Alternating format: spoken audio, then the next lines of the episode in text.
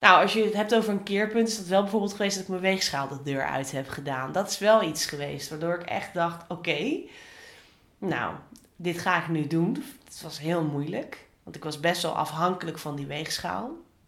En toen ik die eenmaal weg heb gedaan, nou, heb ik wel heel erg lang me heel sterk gevoeld. Van, ik ben daar nu, ik heb dat niet meer nodig. En net als met dat stoppen met diëten. Ik heb die diëten niet meer nodig voor controle over mijn leven.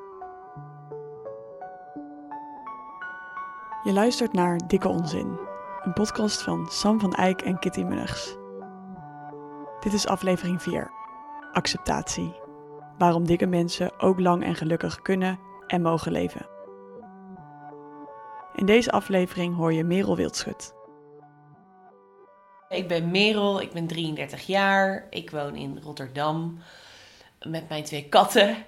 En ehm, ik werk in de bibliotheek en ik ben blogger. En daarnaast ben ik dik. Ook nog.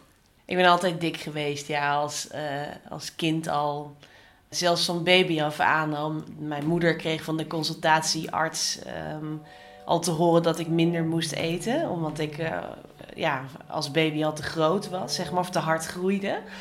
Dat is nooit anders geweest. Dus als, als peuter, kleuter, puber, ja, altijd um, te zwaar. Ja, ik was me heel jong al wel bewust van het feit dat ik eigenlijk overal altijd de dikste was.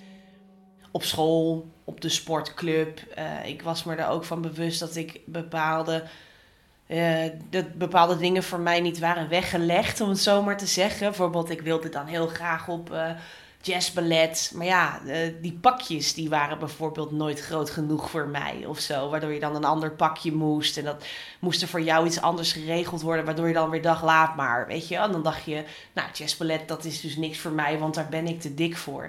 En dan was ik heel jong. Dan was ik echt een jaar of... Uh, ja, zes of zo, denk ik. Dat ik me er echt wel van bewust was van... ik ben eigenlijk overal waar ik kom, ben ik de dikste. En dat wordt later natuurlijk alleen maar duidelijker. Want als je leeftijdsgenoten zich ook heel erg bewust worden van hun eigen lichaam, zijn ze dat ook van dat van jou. Dus dan krijg je gewoon heel veel te maken met uh, vergelijken van elkaars lichaam in de kleedruimte bij gym bijvoorbeeld. Of dan gaat het over vriendjes krijgen en dat dan alle knappe dunne meisjes al een vriendje hebben en jij niet en dat komt dan daardoor. Dus het, ja, dan gaan ook andere mensen zich bemoeien met jouw lichaam. Als je een jaar of, nou, dat is op de basisschool wel hoor. Tussen 10 en 12 jaar oud gebeurt dat zeker al. En op de middelbare school, ja, dat ken je vanzelf ook wel. Is iedereen maar met één ding bezig en dat is je uiterlijk. Nou ja, en in mijn geval ja, is de hoofdmoot dan altijd geweest dat ik, uh, dat ik dik was. Ja, nog, nog los van hoe je er verder uitzag. Maar da daar, dat is het eerste wat mensen ook zien natuurlijk. Dus het is er altijd al geweest. En ik was me daar de zaak heel jong al bewust van. En, en ondanks het feit dat ik eigenlijk altijd behoorlijk stevig in mijn schoenen heb gestaan en dus ook eigenlijk nooit gepest ben geweest, ja, heeft het natuurlijk mijn zelfbeeld altijd gevormd dat ik uh, altijd dik was en ben. Ja, zeker. Ja, dat, ik heb niet een heel positief zelfbeeld ontwikkeld door de jaren heen. Nee.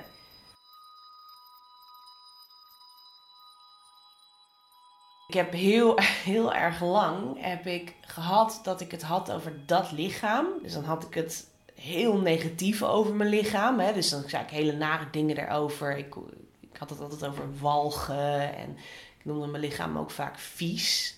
Erin knijpen en doen. Weet je, heel hard voor mijn lichaam. En dan noemde ik het ook dat lichaam. Ik haat dat lichaam. Ik walg van dat lichaam. Zo praatte ik daarover. En als het al minder negatief was dan dat, dan nog bleef het altijd dat lichaam. Dus ik, had, ik, ik voelde een hele grote afstand. Maar ik, heb, ik ben niet, zeg maar, ik heb geen eetstoornis gehad of zo. Of dat je echt kan zeggen, nou jeetje, dit is wel heel dramatisch geweest. Dat, dat op die manier een keerpunt niet, gelukkig. Maar ik heb wel heel erg lang heel slecht voor mezelf gezorgd. Dat je jezelf van alles ontzegt. En dat je ja, eigenlijk gewoon de hele tijd een beetje loopt te, nou ja, te fucken met je lichaam, zou ik eigenlijk gewoon willen zeggen. Dat je heel ongezonde dingen doet om slank te worden. En uh, dat is, dat is niet, uh, dat is niet oké.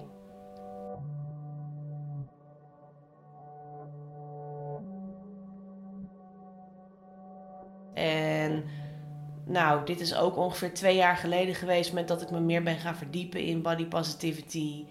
En mijn lichaam meer gaan zien als een woning. En het ook neutraler gaan bekijken. En het met meer respect ben gaan behandelen. Ik ben bijvoorbeeld ook yin yoga gaan doen om meer mijn lichaam letterlijk te voelen.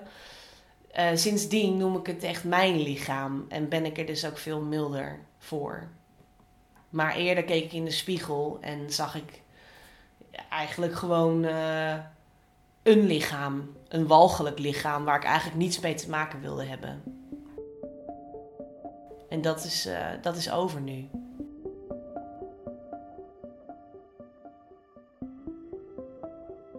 Ik denk eigenlijk, ik weet het niet, want ik heb geen weegschaal. Maar ik denk dat ik eigenlijk nog hetzelfde weeg als voor die twee jaar geleden. En ik, ik denk niet dat er heel opzienbarend iets veranderd is, want ik pas nog precies dezelfde kleren. Dus, dus nee, dat lichaam, dat is, of dat lichaam, mijn lichaam, is nog steeds hetzelfde als dat lichaam van die, in die tijd. Maar het is van, ik heb het eigenlijk een soort van, ja, ik zou bijna willen zeggen, her, her, heroverd weer of teruggekregen of geclaimd. Of, het is echt van mij geworden nu.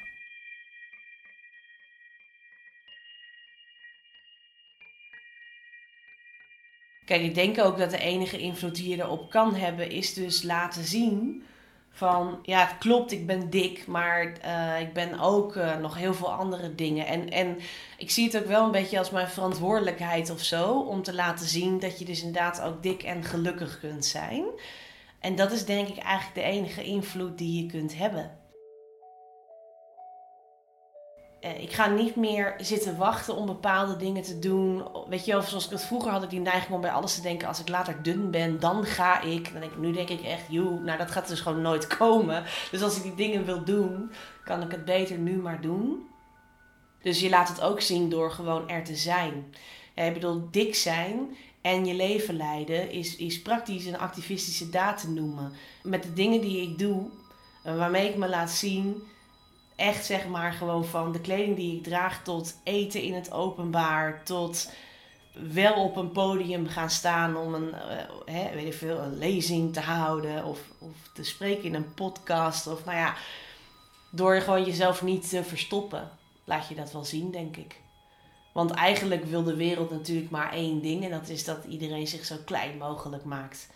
En dat uh, weiger ik gewoon. Ik, ik heb geen zin meer om te diëten, om, om zelf kleiner te worden. Maar ik heb ook niet het idee dat ik, uh, dat ik nog minder ruimte in zou moeten gaan nemen dan ik nu al doe. Eerder meer. Ja.